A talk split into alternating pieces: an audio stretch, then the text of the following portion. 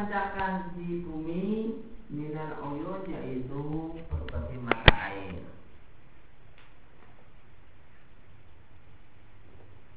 Maka jika kita maknai min di sini adalah min jinsiah maka am maka ini bersifat umum. Maka dari dua pendapat ini, pendapat yang kedua itulah yang mendekati kebenaran. Bahwasanya min di situ min jinsiah.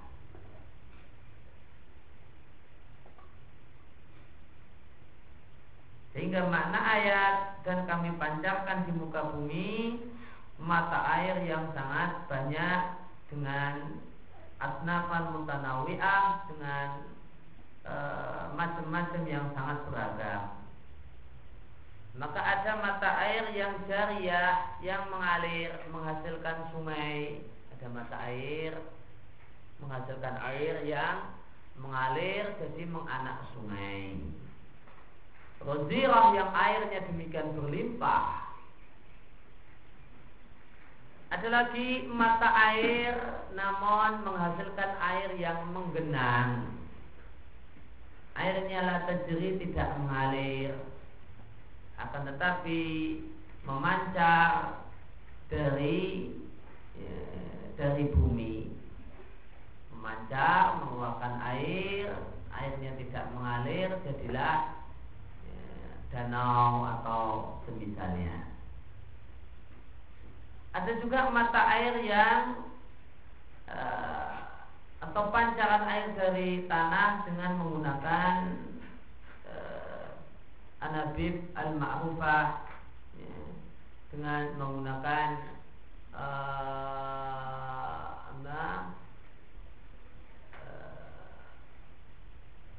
tabung-tabung tertentu, tabung-tabung yang telah diketahui yang ditancapkan ke dalam tanah maka uh, maka keluarlah air.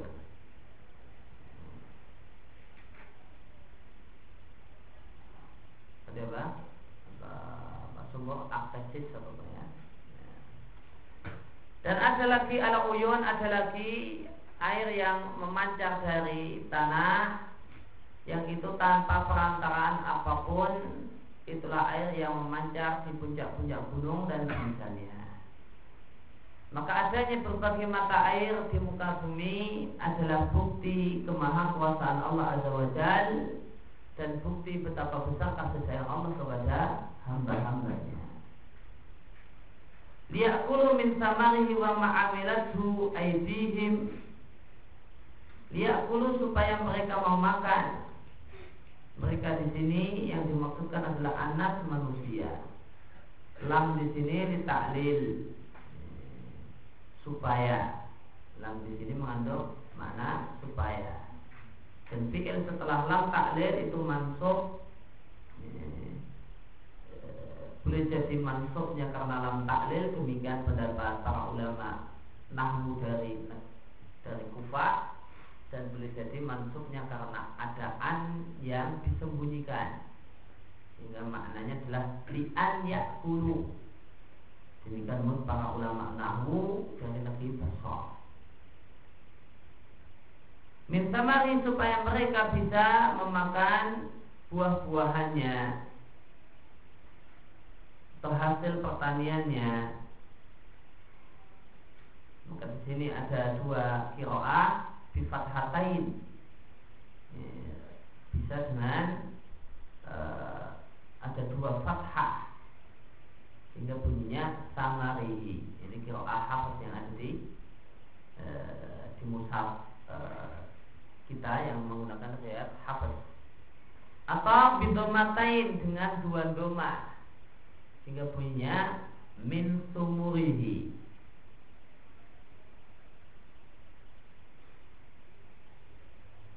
kedua-duanya boleh. Boleh dibaca min samarihi boleh dibaca min sumurihi wa ma'amilatu aidi. Samar di sini mufrad. Ya.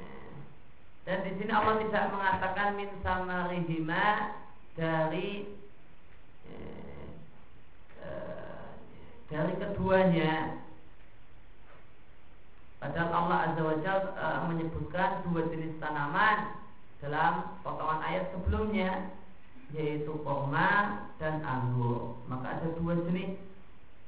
Namun ternyata ayatnya tidak bunyinya min samarihima, namun bunyinya min samarihi.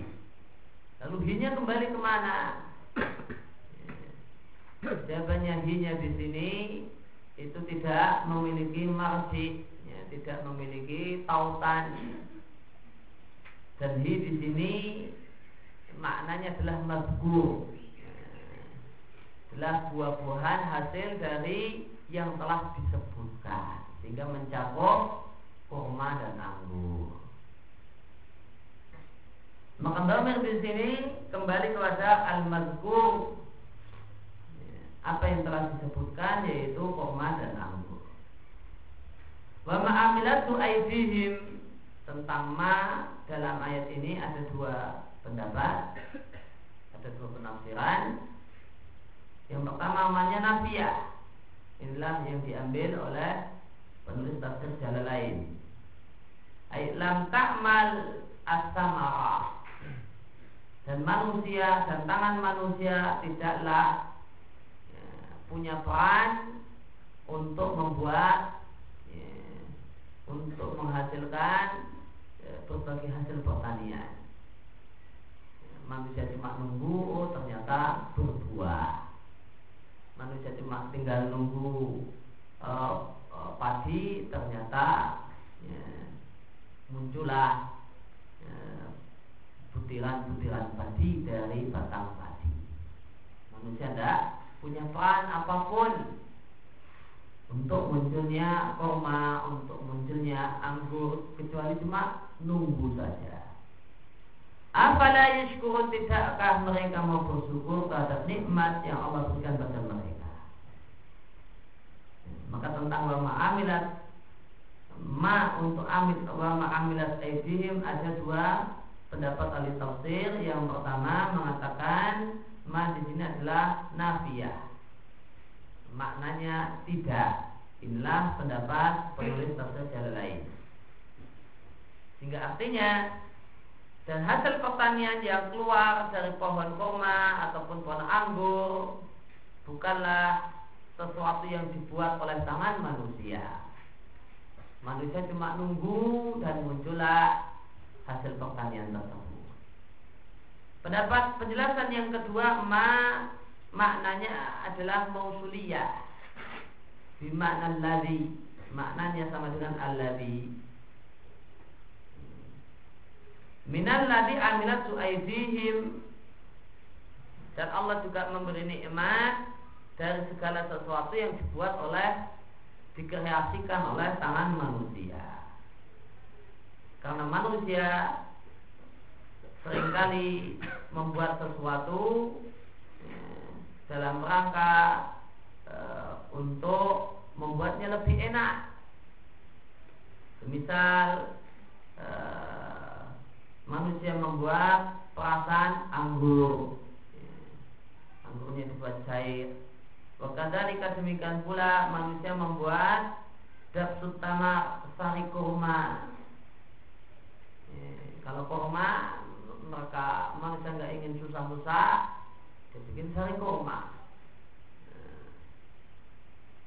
demikian juga roti yang dibuat oleh manusia dari biji-bijian yang dihasilkan oleh zuru dan yang lainnya yang dibuat oleh manusia dengan tangan mereka kemudian mereka menikmati hasil buah kreasi tangan mereka tersebut dan mereka yatafakah bersenang-senang bernikmat-nikmat maka ada berbagai macam uh, manisan makanan-makanan yang manis, yang enak, yang dibuat oleh tangan manusia. Maka berdasarkan penafsiran yang kedua, maka dalam ayat ini Allah Subhanahu wa taala menyebut-nyebut jasa. Ya, jasanya kepada para hamba dengan dua bentuk jasa. Yang pertama Allah berjasa kepada manusia, memberikan nikmat kepada manusia dengan berbagai hasil pertanian yang Allah keluarkan dari dalam bumi. Ada hasil zuruk, ada hasil padi-padian, jagung dan semisalnya ataupun timar, buah koma, kelapa dan sebagainya. Kemudian yang kedua, Allah Subhanahu wa taala memberi uh, memiliki jasa, memberi jasa dan nikmat kepada hamba-hambanya dengan Allah ajari mereka untuk berkreasi dengan tangan-tangan mereka. Maka makanan yang kita makan itu ada dua macam. Macam yang pertama kita tidak melakukan apa pun, namun kita memakannya sebagaimana dalam uh, sebagaimana dikatakan oleh orang-orang Arab sekarang, tozat ya, dalam keadaan segar, tidak diapa-apakan. Kemudian makanan jenis yang kedua adalah makanan yang nak malubihi. Kita melakukan, kita punya peran, kita punya kreasi untuk membuatnya lebih enak, lebih praktis atau yang lain. Ibu maka kita gabungkan misalnya beberapa buah-buahan atau semacam itu kemudian jadi makanan yang baru yang lebih enak, lebih segar dan yang lainnya. Maka Allah Subhanahu wa taala dalam ayat ini jika kita menggunakan ma dengan artian ma mausulia maka Allah Subhanahu wa taala memberikan menyebut-nyebut nikmat kepada hamba-hambanya dengan dua jenis nikmat ini. Dari dua pendapat ulama tentang makna ma dalam wa ma'amilat su'aidihim maka makna yang kedua menyebabkan makna ayat ya, maka pendapat yang kedua menyebabkan makna ayat lebih luas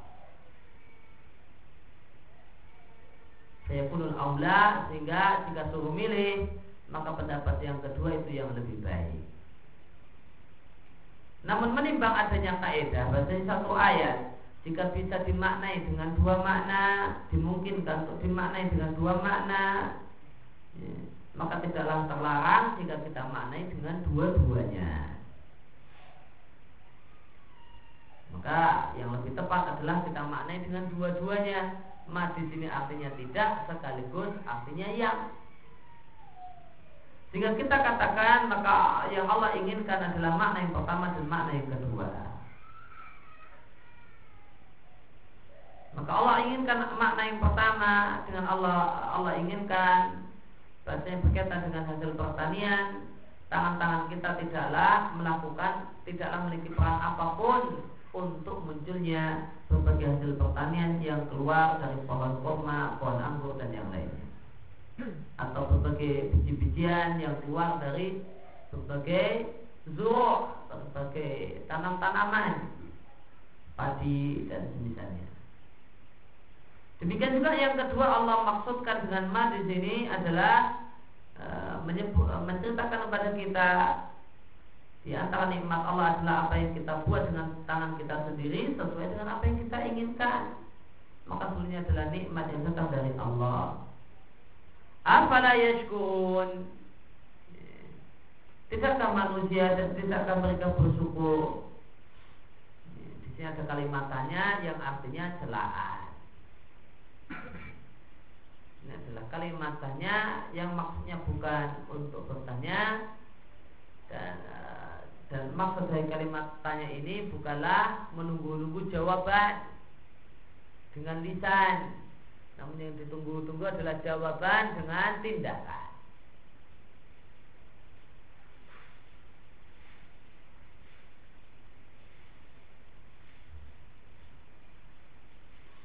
Dan kalimat ini apa yaskurun itu disambungkan dengan uh, dengan mukodar dengan satu kalimat yang tidak dinampakkan yang bisa kita ketahui dengan uh, siap melihat perentetan kalimat. Maka fa di sini fa akof. Fa di sini fa akof. Sambungnya ke mana? tidak disebutkan secara eksplisit namun bisa kita tangkap yaitu kalau kita nampakkan apakah mereka lalai dari ini semua dari berbagai nikmat yang Allah berikan? Afala yashkurun? Lalu mereka tidak mau bersyukur. Jadi setelah hamzah itu ada uh, afala yashkurun setelah hamzah ada satu kalimat yang tidak dinampakkan kemudian faknya fa aqaf apakah mereka lalai dengan berbagai nikmat? Yang Allah berikan fala yashkurun lalu mereka tidak mau bersyukur. Atau tahu ataukah mereka ingkar dengan berbagai nikmat tersebut? Fala yashkurun lalu mereka tidak mau maka tidak bersyukur itu ada dua macam. Ya, manusia tidak bersyukur itu ada dua sebab. Boleh jadi ya, bil karena sebab lalai. Karena merasa ini adalah nikmat sudah tiap hari dirasakan maka dikira ini bukan nikmat. Karena orang itu jika tiap hari kok mendapatkan nikmat maka lama-lama dia merasa itu bukan nikmat. Biasa saja setiap hari kok bisa bernapas dengan baik ya, nggak perlu bayar. Yang menghirup oksigen gratis. Maka karena setiap hari dan tersedia dalam jumlah yang banyak di mana-mana ada maka manusia mengira karena sudah biasa itu bukan apa-apa dan bukan sebuah nikmat dan kebaikan dari Allah Subhanahu wa taala.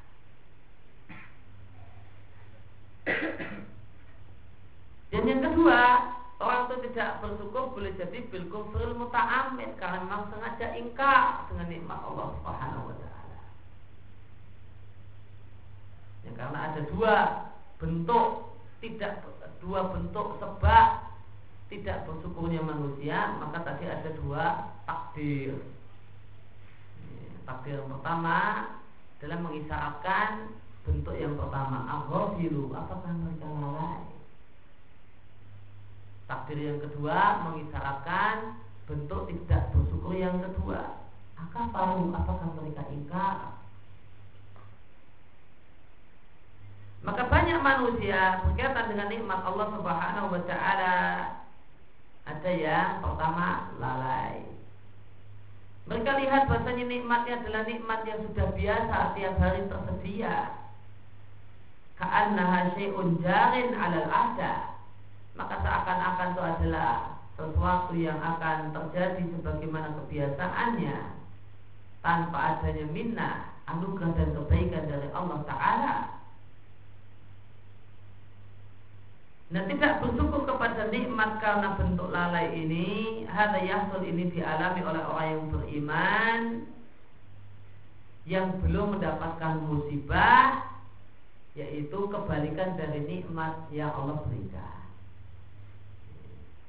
Makanya tidak bersyukur karena lalai ini biasa atau sering-seringnya yang terjumus dalam hal ini adalah orang-orang yang beriman yang dalam kondisi, kondisi badan sehat, ya, ya, tidak tergeletak di rumah sakit. Artinya belum mendapatkan musibah kebalikan dari nikmat yang dia rasakan. Karena manusia tidaklah mengetahui betapa penting nikmat yang dia rasakan kecuali jika dia mendapatkan musibah dengan mendapatkan kebalikan dari nikmat yang biasa dia rasakan. Maka seorang itu tidaklah menyadari bahasanya kenyang itu adalah nikmat kecuali setelah dia kelaparan.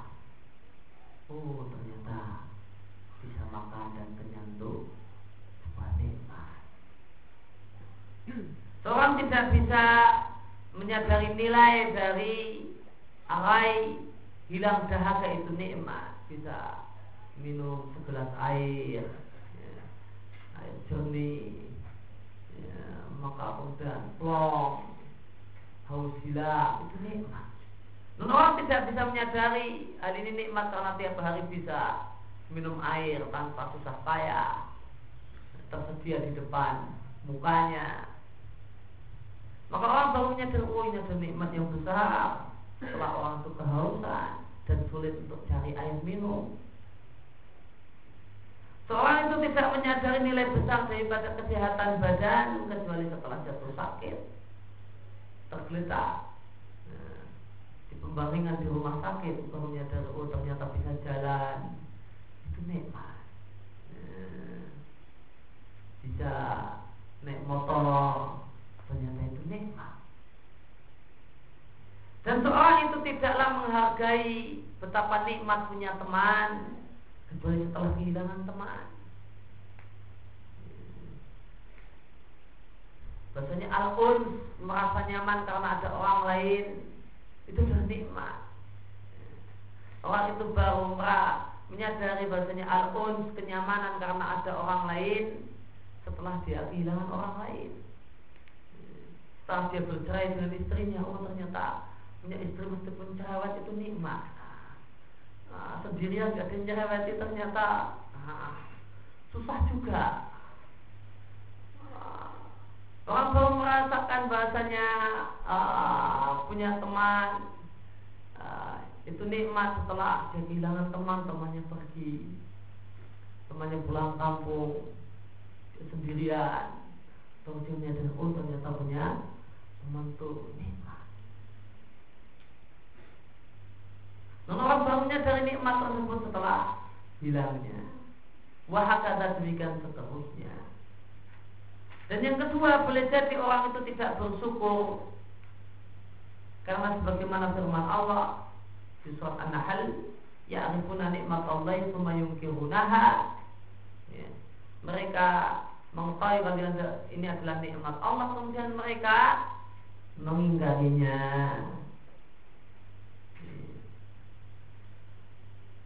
Wa aktsaruhumul kafirun dan mayoritas mereka adalah orang-orang yang ingkar terhadap nikmat. Kufran bi nikmat. Yang dimaksud kafir ini adalah ingkar dengan nikmat. Wa batawan dengan sombong. Ketika mendapatkan nikmat sebagaimana perkataan Qarun yang Allah ceritakan di surat Al-Qasas inna ma'udidu ala ilmin indi ketika Qarun kaya raya maka Qarun mengatakan Sesungguhnya aku mendapatkan kekayaan yang berlimpah ini gara-gara ilmuku, kepandaianku untuk berdagang, berbisnis sehingga aku punya duit yang banyak semacam ini. Wama asbah dalika dan semisal itu. Maka ini bentuk kedua dari tidak bersyukurnya manusia. Apala yashkur tidakkah manusia bersyukur? Apa itu syukur? Syukur adalah e, mentaati orang yang memberi nikmat dan memanfaatkan nikmat dalam perkara yang memang Allah maksudkan dan Allah inginkan dengan nikmat tersebut. Maka siapa yang memanfaatkan nikmat yang Allah berikan namun tidak pada tempat yang telah Allah tetapkan maka dia bukanlah orang bersyukur.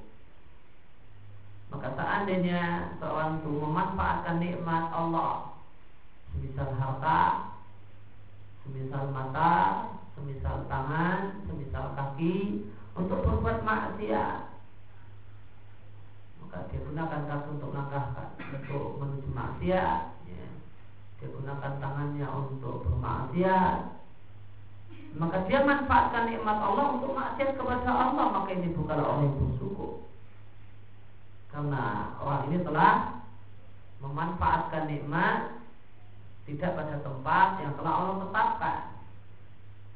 Sesungguhnya Allah hanyalah Allah Subhanahu wa taala memberikan kepada kita berbagai nikmat ini supaya kita beribadah kepadanya eh, wattaqawi 'alaiha.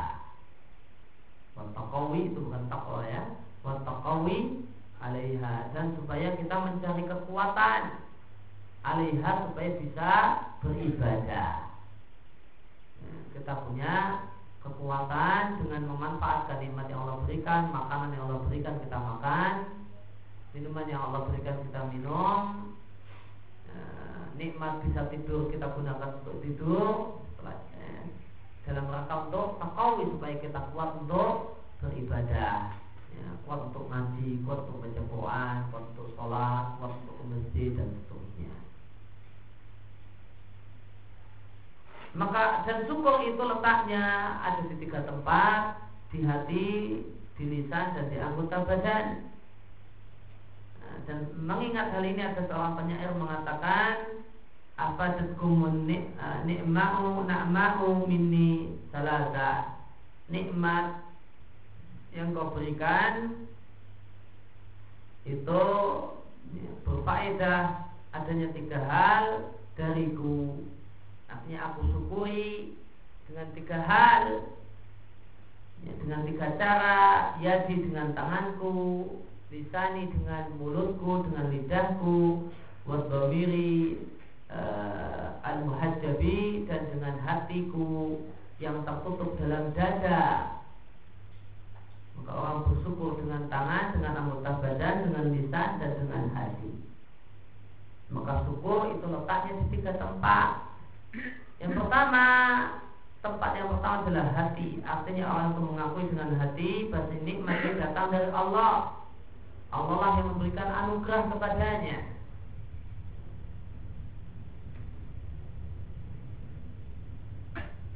Baik nikmat tersebut adalah nikmat ijaziyah ya, Nikmat ya, Berupa adanya nikmat. Datangnya kebaikan. Ya, Sakit kemudian diberi sehat. Tidak punya duit diberi duit. Ya, Hanya datanglah uang. Nikmat ijaziyah Ataupun nikmat dalam bentuk ter, tercegahnya kesusahan hampir tabrakan nggak jadi itu nikmat. Hampir tabrakan nggak jadi. Hampir jatuh nggak jadi. Itu nikmat. Hampir kepleset kok bisa pegangan nggak jadi kepleset. Itu nikmat. Jangan dikira itu bukan nikmat. Terhindar dari nah, bencana. Tidak jadi kena bencana adalah nikmat. Maka nikmat bukan hanya seorang itu nggak punya uang kemudian punya uh, punya uang. Nggak punya rumah ternyata kemudian uh, bisa punya rumah nggak punya kendaraan sendiri. Akhirnya kok bisa punya kendaraan sendiri. Bukan bukan hanya itu nih mau kepleset nggak jadi kepleset itu nih mau jatuh nggak jadi jatuh itu nikmat. Mau ketilang jadi nggak kena tilang. Dan juga nikmat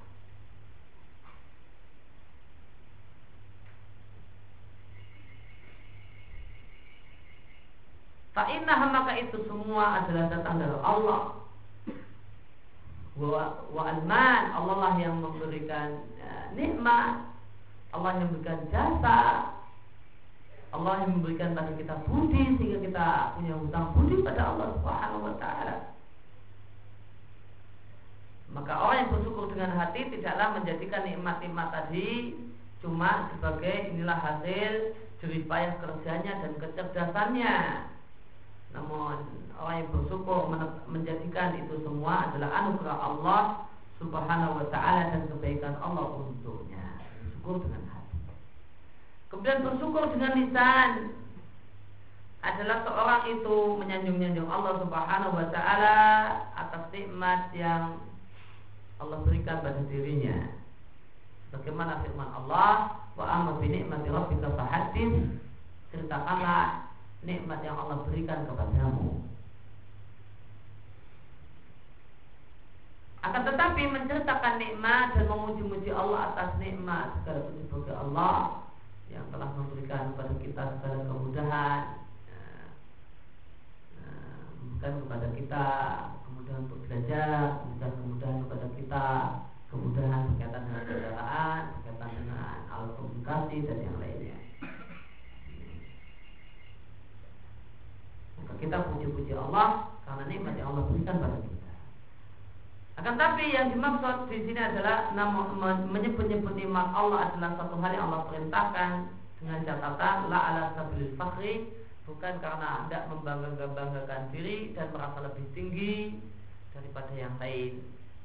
Namun namun seorang untuk menceritakan nikmat tersebut eh, maka jika seorang itu menceritakan nikmat yang ada pada dirinya karena membanggakan diri dan merasa lebih tinggi daripada yang lain, maka ini adalah kufur nikmat dan bukan syukur nikmat.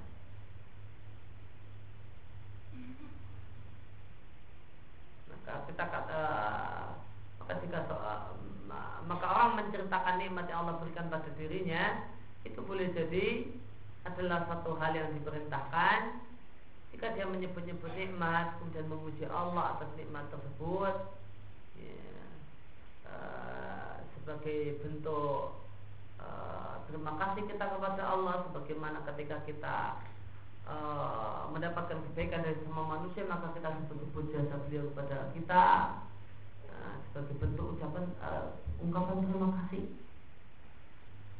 namun jika orang itu menyebut-nyebut nikmat Allah karena maksud menyembuhkan diri, maka ini bukanlah syukur namun kufur nikmat.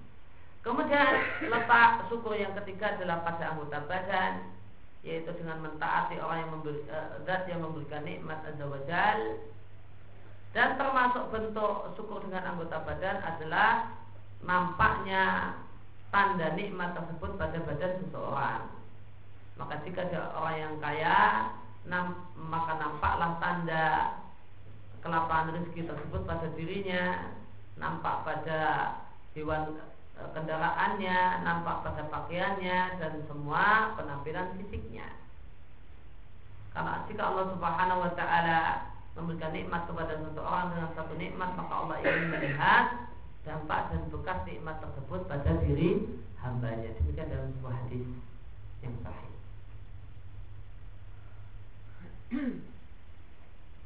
Maka orang tidak boleh bersengaja mencari-cari dan memilih kesusahan padahal Allah memberikan kemudahan.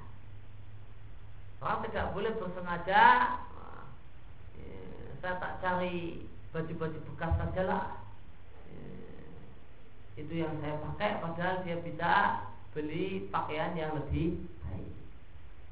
Eh, saya tak pakai motor butut sajalah saya pakai motor uh, uh, BMW saja bebek merah. Warnanya tahun 70-an pakai BMW tahun 70-an saja bebek merah warnanya BMW padahal dia mampu untuk uh, punya kendaraan yang lebih baik yang lebih lancar yang lebih cepat. Maka tidak boleh milih yang susah-susah Padahal Allah berikan kelapangan dan kelonggaran untuk dirinya. Maka memilih yang susah-susah Padahal Allah berikan kelonggaran dan kemudahan Maka ini adalah uh, zuhud palsu. Maka ini adalah zuhud yang dibuat-buat. Ini adalah zuhud palsu. Uh, Dan tidak semacam ini zuhud yang Allah perintahkan Kemudian jika ada yang bertanya apa perbedaan antara alhamdulillah dan asyukur? Apakah alhamdulillah dan syukur itu ada bedanya? Apakah keduanya sama? Jawabannya ada bedanya. Pertama kalau dilihat dari tempat maka syukur itu lebih luas. Karena yang namanya alhamdulillah memuji Allah itu letaknya cuma di lisan. Sedangkan bersyukur letaknya di tiga tempat Hati, lisan, dan anggota badan. Namun kalau Alhamdulillah memuji Allah Letaknya cuma di satu tempat saja yaitu lidah. Karena yang namanya Alhamdulillah adalah e, Menyebut-nyebut orang yang dipuji Sesuatu yang dipuji Bil kamal dengan sifat-sifat sempurna Sifat-sifat unggul yang dia miliki. Nah, karena kita mencintai dan mengagungkannya. Maka yang namanya alhamdulillah itu di lidah layak ada tidak melebar kepada anggota badan selain lidah.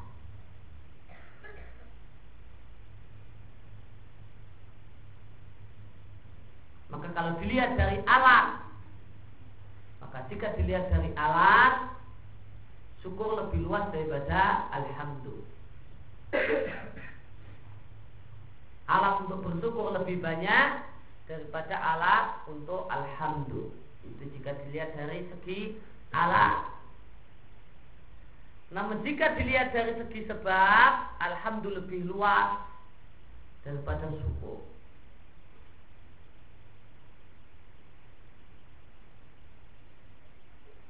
Maka seorang itu memuji, misalnya memuji Allah, maka boleh jadi li isanil mahmud karena orang yang dipuji itu berbuat baik kepadanya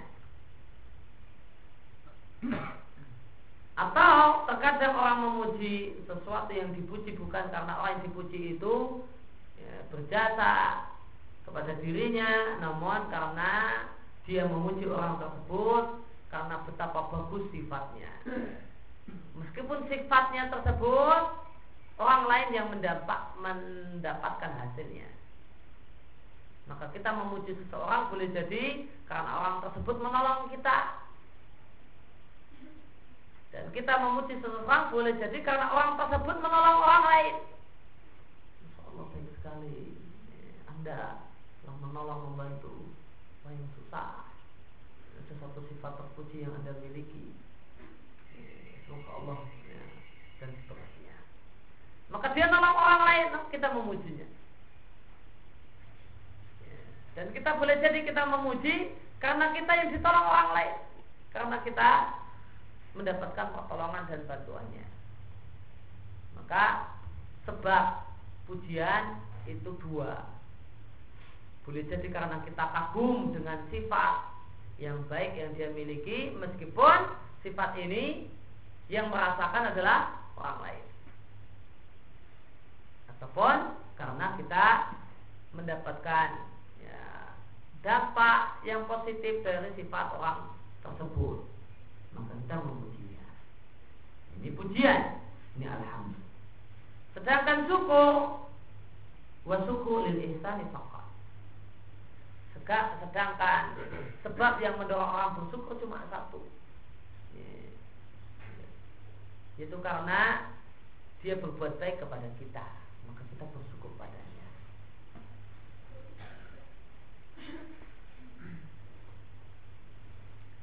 Maka yang namanya syukur adalah karena mendapatkan nikmat. Dan namanya memuji boleh jadi karena mendapatkan nikmat atau boleh jadi karena kagum kita kepada sesuatu yang memiliki sifat-sifat yang sempurna. Maka alhamdulillah dan syukur itu di satu sisi alhamdulillah itu lebih luas ya, dan syukur itu lebih sempit, namun di sisi yang lain syukur itu lebih luas dan alhamdulillah lebih sempit. Falhamdu maka memuji Allah Maka memuji itu lebih luas dari sisi sebab. Sebab keluarnya pujian Namun lebih sempit dari sisi alat. Alat untuk memuji Atau letak pujian. Sedangkan syukur Itu lebih sempit dari sisi sebab lebih luas dari sisi alat Maka Allah itu dipuji karena nikmat yang Allah berikan pada kita dan Allah itu dipuji karena betapa sempurna uh, sifat-sifatnya. Inilah sebab munculnya alhamdulillah namun alhamdulillah alatnya hanyalah lidah saja. Sedangkan syukur maka kalau dilihat dari sebabnya maka dia sempit karena syukur itu hanya atas nikmat. Maka kita tidak mengatakan kita bersyukur kepada Allah karena sempurnanya sifat-sifat Allah. Namun karena nikmat-nikmat Allah. Maka sebab adanya syukur itu lebih sempit. Akan tapi alat untuk bersyukur itu lebih luas. Karena alatnya tiga hati lisan dan anggota badan. Maka syukur itu lebih luas daripada memuji daripada alhamdulillah dilihat dari sisi alat yang digunakan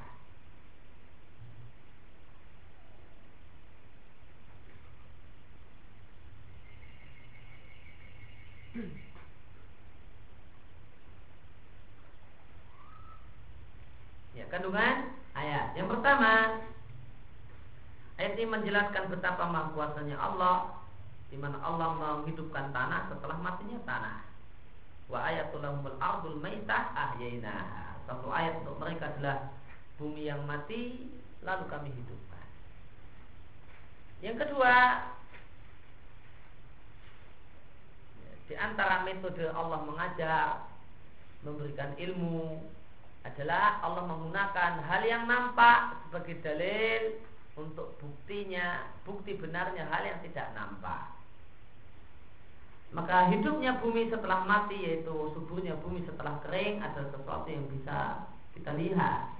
Dan Allah gunakan hal yang bisa kita lihat ini sebagai bukti sesuatu yang belum bisa kita lihat yaitu al-ba'at bangkitnya manusia hidupnya orang-orang yang sudah mati ketika Allah bangkitkan pada kiamat nanti.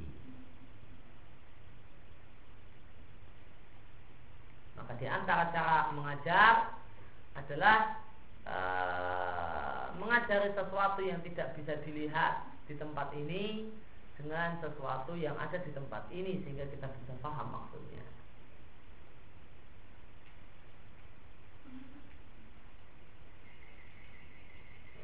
Kita mau mengajari ada satu tempat namanya ini eh, kita belum pernah pergi ke sana kita ajar kepada murid-murid kita kepada orang yang tidak kita kasih tahu dengan cara kita kasih peta misalnya.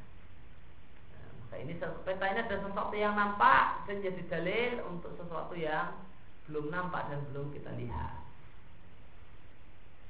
Dan Allah telah mengisahkan dalil ini dengan firman Allah Subhanahu wa taala. Surat Fusilat dan di surat Qaf di surat Fusilat Allah katakan wa min ayatihi di antara tanda kekuasaan Allah Subhanahu wa taala anaka taral ardu khasyiatan maka engkau lihat bumi itu dalam keadaan khusuk dan hina yaitu kering kerontang.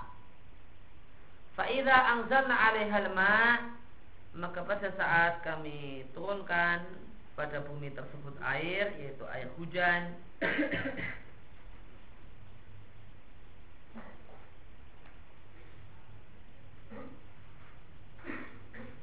maka apa yang terjadi Intazat maka bergeraklah bumi warobat dan bertambahlah bumi. Nah, surat Fusilat ayat 39 adalah dalil bahasanya dalam bahasa Arab makna bahasa untuk riba adalah tambahan. Waroban dan bertambah Innalani ahyasnya zat yang menghidupkan bumi Lamuhil mauta sungguhlah zat yang akan menghidupkan orang-orang yang sudah mati. Inna ala kulli syai'in qadir. Dia maha kuasa atas segala sesuatu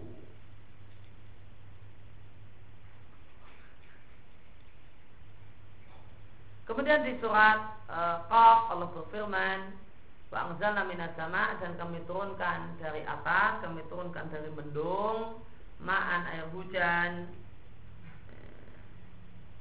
mubarakan yang penuh dengan mubarakan yang penuh dengan kebaikan fa'ambatna bihi maka kami tumbuhkan dengan sebab air hujan Jannatin berbagai kebun Wahabbal hasid Dan biji-bijian dari tanaman yang bisa dipanen. Wan Dan kami juga berikan uh, Dari air hujan tersebut Kami tumbuhkan Pohon kurma basikotin yang panjang-panjang Yang tinggi-tinggi. Laha tolakun nobit yang dia pohon kurma ini memiliki mayang berisi kurma-kurma yang nobit yang bertumpuk-tumpuk sebagiannya bertumpuk pada sebagian yang lain. Rizqan lil ibad sebagai rezeki untuk para hamba. Wahai Nabi Bazatan Maita uh, dengannya dengan air hujan tersebut kami hidupkan negeri yang mati. Likal khurud demikianlah nanti keluar dari kubur. Maka sebagaimana bumi yang hidup itu demikianlah al khurud keluarnya manusia dari alam kubur mereka. Pelajaran yang lain bolehnya ya, menyebut benda mati dengan kita sebutan mati dan hidup. Maka mati dan hidup tidaklah khusus untuk benda yang memiliki roh, memiliki nyawa yang bisa bergerak. Karena Allah menyebut bumi yang kering dengan sebutan al ardul maitah, bumi yang mati lalu kami hidupkan. Maka di sini Allah mensifati bumi dengan mati dan mensifatinya dengan hidup. Pelajaran yang lain ayat ini menjelaskan tentang betapa agungnya Allah Subhanahu wa taala di mana Allah bisa menghidupkan bumi yang mati ya, dan kami keluarkan darinya uh, biji-bijian kurma dan anggur Di sini semua dalam ayat-ayat ini potongan-potongan ayat ini Allah menggunakan domir na Nah di sini menunjukkan azumah keagungan Allah bukan karena Allah itu lebih dari satu. Dan dalam ayatnya Allah menjelaskan tentang nikmat, ya, menyebut-nyebut nikmat ya, yang Allah berikan dengan Allah keluarkan untuk manusia dari dalam tanah berbagai biji-bijian dan hasil pertanian yaitu biji-bijian dari ayat wa akhrajna minha kami keluarkan darinya biji-bijian bertimah dan hasil pertanian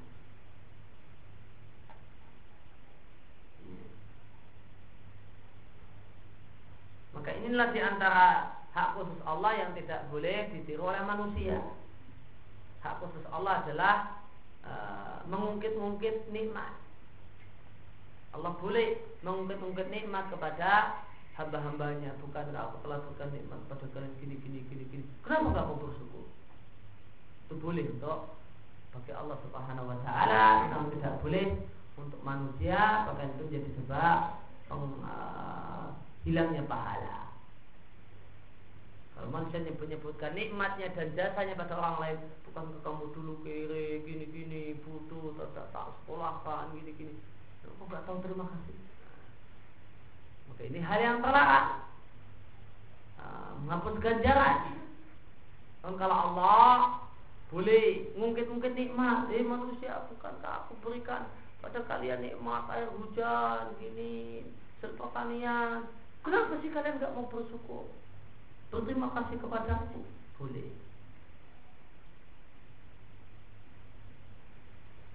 Dan ayat ini menunjukkan menjelaskan tentang betapa seorang hamba itu butuh kepada Allah. Faminhu ya'kulun. Maka hanya darinya Dari buah-buahan tersebut manusia makan. Maka Hasr yang ada dalam ayat Potongan ayat ini Minhu ya'kulun Minhunya di depan Mengisyaratkan tantangan Menantang manusia. Bahasanya manusia tidaklah mungkin makan Kecuali dari hasil yang telah Allah keluarkan untuk manusia. Mungkin di antara manfaat hasar ya, Makna hanya Itu mengandung tantangan. Maka seakan-akan Allah mengatakan Wahai manusia jika engkau mampu Maka Keluarkanlah untuk dirimu. Produksilah sendiri untuk dirimu. Apa yang hendak engkau makan? Sesungguhnya engkau tidak akan pernah makan Kecuali dengan hasil pertanian. Ya, Hasil pertanian Yaitu adalah karena Allah. Allah lah yang mengeluarkannya dari uh, balik bumi. Manusia cuma nongkrong nunggu. Yang mengeluarkan siapa? Allah Subhanahu wa taala Kemudian dalam ayat ini terdapat penjelasan tentang nikmat yang Allah berikan pada para hamba dari berbagai pohon yang besar dan banyak. Ya, ada kurma, maka betapa besarnya nikmat Allah pada hamba-hambanya dengan pohon kurma dan pohon anggur. Kemudian disebutkannya kurma dan anggur di sini menunjukkan keistimewaan pohon kurma dan anggur karena buahnya bisa dimakan langsung tanpa harus diproses dan bercapek-capek untuk memprosesnya. Eh, dan kurma dan anggur adalah hasil pertanian yang bisa dijadikan kut makanan pokok dalam kondisi basah ataupun dalam kondisi kering. Kemudian ayat ini menjelaskan tentang betapa besar kekuasaan Allah Subhanahu wa taala. Allah bisa memancarkan bumi sehingga terpancarlah berbagai mata air dari balik bumi. Maka bumi yang kering, jamida yang beku bisa keluar darinya air yang basah dan mengalir. Ini satu hal yang unik. Bagaimana Allah berfirman tentang masalah batu? Sesungguhnya di antara batu Ada yang memancar Memancar darinya berbagai sungai. Dan sebagian batu ada yang terbelah Maka keluar darinya air Mungkin ada di antara Bukti betapa Betapa agungnya kuasa Allah subhanahu wa ta'ala. Dan di antara bukti betapa kuasanya Allah Subhanahu wa taala adalah Nabiullah Musa yang memukulkan dengan tongkatnya batu yang kering. Boleh jadi itu ada batu tertentu sebagaimana pendapat sebagian ahli tafsir yang dibawa oleh uh, Musa. Dan boleh jadi batu sembarang batu yang ada di uh, di tempat ketika itu dipukul oleh Musa maka memancarlah 12 mata air. Sebagaimana jumlah suku-suku Bani Israel? Ya, suku-suku Bani Israel itu jumlahnya 12 karena Bani Israel itu keturunan Yakub dan Yakub anaknya ada 12 di antaranya adalah Yusuf. Makin ada di antara uh, bukti betapa sempurnanya kuasa Allah Subhanahu wa taala. Dan ayat ini mengisyaratkan dan menjelaskan bahasanya pohon kurma dan anggur sangat membutuhkan air. Bahasanya hasil buahnya, hasil panennya itu bisa lebih banyak eh, tergantung kebutuhan air terpenuhi ataukah tidak. Allah katakan dan kami pancarkan dari bumi berbagai mata air supaya kalian memakan buahnya. Maka hal ini menunjukkan bahasanya air itu memiliki pengaruh untuk banyaknya hasil pertanian dan enak dan tidaknya. Dan demikianlah realita. Ya, realita pun menunjukkan demikian sebagaimana dijelaskan oleh para pakar pertanian. Kemudian dalam ayat ini terdapat bantahan untuk Jabariyah dan As'ariyah yang menolak adanya hikmah di balik perbuatan Allah. Karena ayat ini menunjukkan adanya ilah dan hikmah di balik berbagai perbuatan Allah Subhanahu wa taala.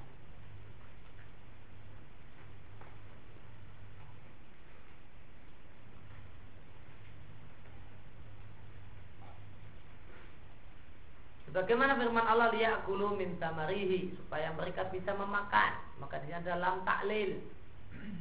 Maka setelah lam taklil berarti hikmah. Maka dalam perbuatan Allah terdapat hikmah. Allah berbuat tidak semata-mata berbuat. Allah menetapkan aturan bukan cuma semata-mata mau uh, bukan at, buat aturan semacam itu. Beda dengan manusia. Wanusus dan berbagai dalil yang menunjukkan adanya hikmah di balik perbuatan Allah sangat banyak sekali. Di antaranya adalah firman, uh, firman tegas Allah Subhanahu wa taala, hikmatun balighatun sama tunin. Allah memiliki hikmah yang luar biasa. Ya, namun peringatan di dalam memberikan manfaat sedikit pun. Waminha dan di antara hikmah uh, di antara dalilnya adalah uh, firman Allah ya, yang tegas yang, berisi negasi dan peniadaan dan tidaklah kami ciptakan langit dan bumi dan apa yang ada di antara kedua sia-sia. Kalau tidak Allah ciptakan sia-sia berarti apa? Ada hikmahnya, ada maksudnya. Dari kazanul ladina kafaru demikian prasangka orang-orang kafir maka celakalah orang-orang kafir karena mereka akan masuk neraka. Dan tidaklah kami ciptakan langit dan bumi dan makhluk yang ada di antara keduanya main-main. Kalau Allah tidak main-main, berarti serius. Serius berarti apa? Ada maksudnya.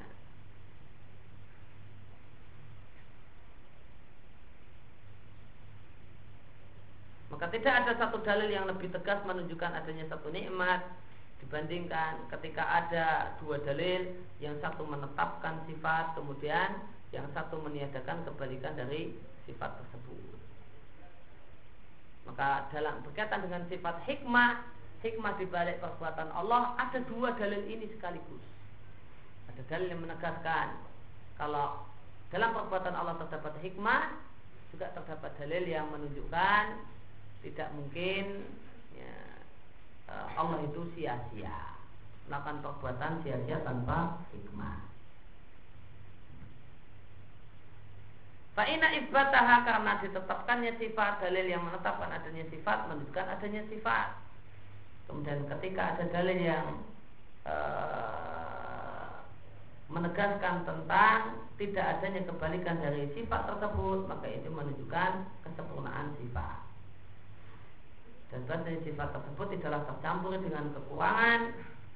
Yang kekurangannya akan terjadi seandainya sifat tersebut hilang atau sifat tersebut tidak lagi sempurna.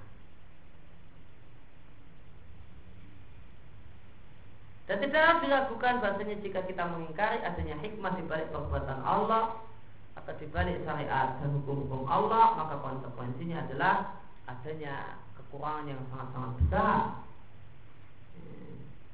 Berarti Allah melakukan sesuatu itu safahan bodoh-bodoh saja tanpa maksud abadan main-main maksudnya Allah dan hal tersebut setinggi-tingginya.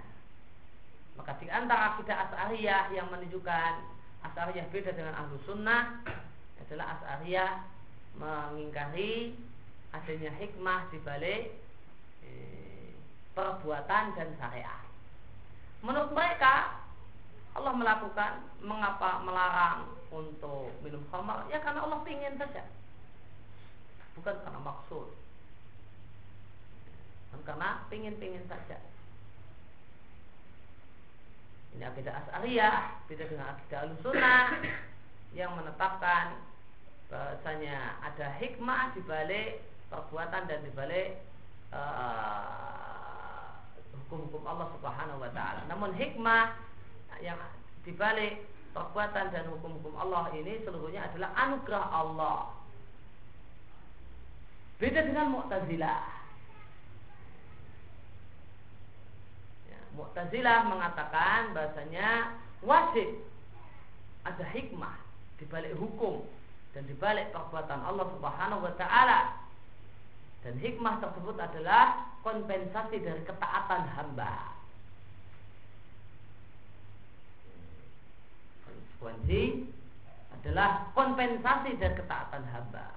Maka hamba mau taat mengerjakan sholat, maka harus ada hikmah di balik perintah sholat seorang hamba mau uh, berpuasa Ramadan, mau taat, maka kompensasinya Allah harus memberi kompensasi yaitu hikmah di balik manfaat untuk manusia di balik puasa Ramadan.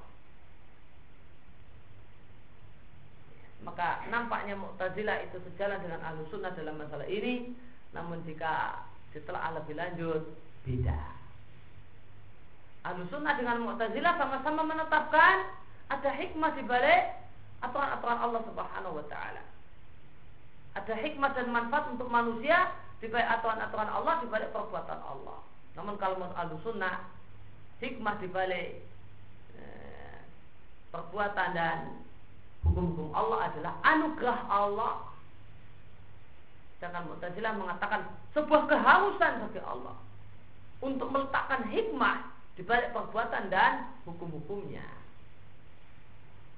Dan hikmah adanya hikmah di balik hukum-hukum Allah adalah uh, kompensasi dari ketaatan seorang hamba kepada Allah Subhanahu wa taala.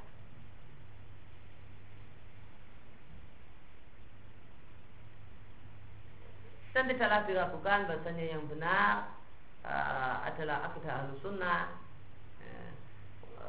adanya hikmah di balik uh, perbuatan dan uh, hukum-hukum Allah terdapat banyak dalil tentang hal ini. Semua lam-lam taklil di ayat-ayat Al-Quran seluruhnya adalah dalil adanya hikmah. Seluruhnya adalah bantahan untuk asariyah. Semua ayat dalam Al-Quran yang mengandung lam taklil eh, maka itu adalah bantahan untuk asariyah. Namun uh, hikmah dibalik perbuatan Allah yang dibalik takdir Allah dan dibalik hukum-hukum Allah itu bukan karena sebuah kewajiban bagi Allah, namun itu adalah anugerah dari Allah. Karena tidak ada yang bisa mewajibkan dan mengharuskan Allah untuk begitu dan begitu.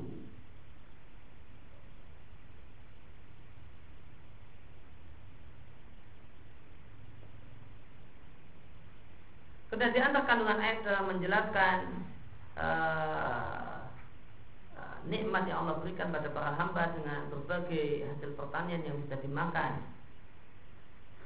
Apa yang anda katakan seandainya hasil-hasil pertanian ini uh, pahit? Apakah bisa dimanfaatkan? Tentu jawabnya tidak. Oleh karena itu Allah berfirman tentang air yang segar, air segar yang bisa kita minum apa pendapatmu tentang air yang kalian minum apakah kalian yang menurunkannya dari mendung ataukah kami yang menurunkannya seandainya kami mau maka kami bisa jadikan air ya, air segar tersebut ujaja sangat sangat ya, asin sehingga tidak bisa di, di, diminum maka jika sangat-sangat asin maka kalian tidak mampu untuk meminumnya. Maka berbagai hasil pertanian itu Allah jadikan sesuatu hal yang syahia nampaknya enak dalam jiwa manusia. Maka manusia pun memakannya dan badan pun dapatkan gizi karenanya. Ya kata goza, ya, gizi itu dari bahasa Arab ya. ya gizi itu dari bahasa Arab. Nah, dari kata-kata uh, roza yata roza nah, maka roza maka uh, goza gizi nah, maka jadilah gizi Watatahoza bi abdan dan badan pun mendapatkan gizi, mendapatkan asupan makanan karenanya. Oleh karena Allah katakan dia kulumin samari supaya kalian makan, uh, supaya kalian bisa makan dari buahnya. Maka seandainya Allah jadikan hasil pakan itu rusak, ya, e, maka kita tidak bisa mengkonsumsinya. Boleh jadi rusak di sini memang makanannya adalah tetap manis, lezat dan syahian, memancing selera. Akan tetapi Allah letakkan badannya satu penyakit yang merusaknya ini adalah satu hal yang banyak terjadi. Namun di antara nikmat Allah Subhanahu wa taala adalah masih adanya buah-buahan tersebut, hasil-hasil pertanian tersebut yang manusia bisa memakan hasilnya.